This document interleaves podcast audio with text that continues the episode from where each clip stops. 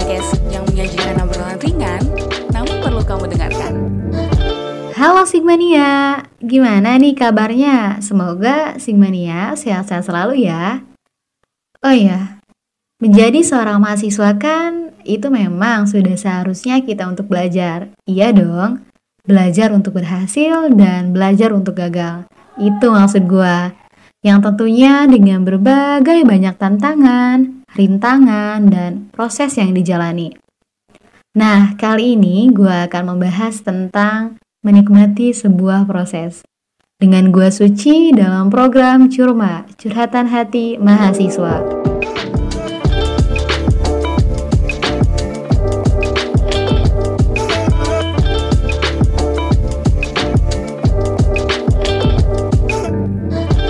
Oh iya, Singmania, kenapa sih gue ngambil tema ini?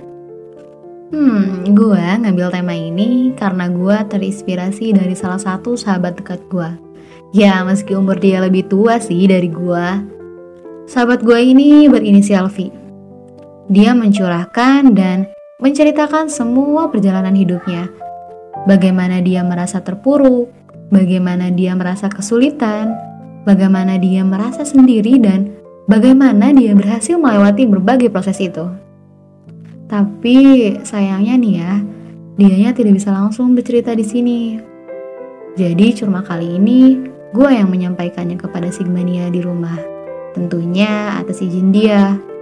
Juga untuk memotivasi kalian dan diri gue khususnya. Awal cerita di mana ketika awal masuk kuliah, dia sebenarnya mau tidak mau atau dalam keadaan terpaksa untuk orang tuanya karena kondisi ekonomi, karena dia paham dengan keadaan ekonomi keluarganya. Dan dari keadaan orang tua juga yang mohon maaf seorang single parent. Bimbang untuk dia memulai perjalanan ini, apalagi posisinya anak pertama. Dan hidup di kota orang itu tanpa ada siapa pun yang dia kenal sangat sulit. Dia ini termasuk anak yang aktif dalam akademik dan organisasinya. Suatu ketika, dia pernah diamanahkan menjadi seseorang yang sangat lumayan memegang tanggung jawab besar di organisasinya. Tapi sayang, ada beberapa orang yang tidak suka terhadapnya, yang terus mengusik dan akhirnya membuat dia down. Yang membuat dia juga merasa hubungan pertemanan yang tidak baik yang tidak seindah yang dibayangkan, tidak seindah dan tidak semulus dengan ekspektasinya. Saat bersamaan pun, dia dipaksakan untuk bisa hadir dalam acara akademik yang menuntutnya hadir dan itu sangat berpengaruh terhadap nilainya. Ya jelas dong dia memilih akademiknya dulu karena bagaimanapun prioritas utama akademik. Lalu setelah semua selesai, dia melanjutkan perjalanan di organisasinya kembali. Capek, lelah, itu yang dia katakan. Di sisi lain, dia juga harus bekerja part-time di toko temannya. Karena kondisi ekonomi yang membuat dia yang akhirnya memaksakan diri untuk bekerja. Tetapi tanpa sepengetahuan ibu dan adiknya. Tiga pekerjaan yang sangat rumit menurutku jika dilakukan secara bersamaan. Tapi sayang, dan karena kegigihannya, dia tetap memaksakan untuk menjalani tiga aktivitas, tiga kegiatan itu. Akademik, jelas karena penting dan harapan orang tuanya. Organisasi, dia aktif dari zaman SMP sampai sekarang. Untuk apa? Untuk mendapat relasi, agar nanti memudahkannya mendapatkan pekerjaan, tidak hanya stuck di satu tempat. Dan ilmu pun yang didapatkan tidak hanya di bangku kuliah atau sekolah saja. Pekerjaan, sedikitnya dia tidak mau membebankan dan meringankan beban orang tuanya untuk membayar kosan, buku, dan yang lainnya.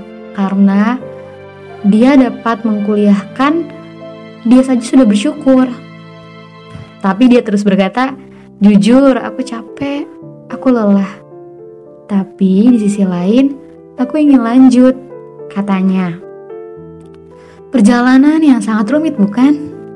Cerita singkatnya saja begitu membayangkan betapa rumitnya proses kehidupan, awal menginjak kuliah sampai dia semester akhir ini, apalagi menceritakan secara detail.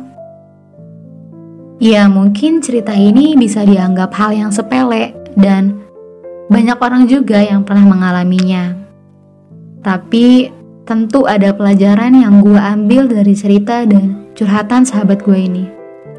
Bagaimana dia tetap semangat, karena dia punya titik fokus dengan tujuannya, selalu bersyukur dia memiliki kesempatan ini yang orang lain belum tentu bisa merasakan. Jika ingin mengeluh, capek, istirahat, istirahat sejenak, lalu lanjutkan lagi. Dan yang terakhir, luangkan untuk membuat dirimu bersenang-senang dengan apa pun itu. Ternyata benar ya, suatu proses untuk membuat kita bangkit dan sukses sebenarnya adalah suatu pencapaian dalam hidup yang telah diraih melalui beberapa jalan yang tidak mudah. Pengingat untuk gua dan kalian semua, yang kalian harapkan dalam hidup ini tidak akan terjadi dengan sendirinya. Tentu tanpa kehadiran akan indahnya suatu yang bernamakan sebuah proses. Tetap nikmatilah proses itu secara perlahan-lahan dan tetap semangat.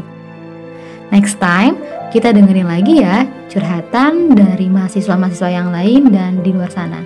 Buat kalian yang mau curhat juga boleh banget loh. Jangan lupa follow IG LPM Sigma at LPM Sigma, YouTube LPM Sigma, dan kunjungi web kami di www.lpmsigma.com. See you!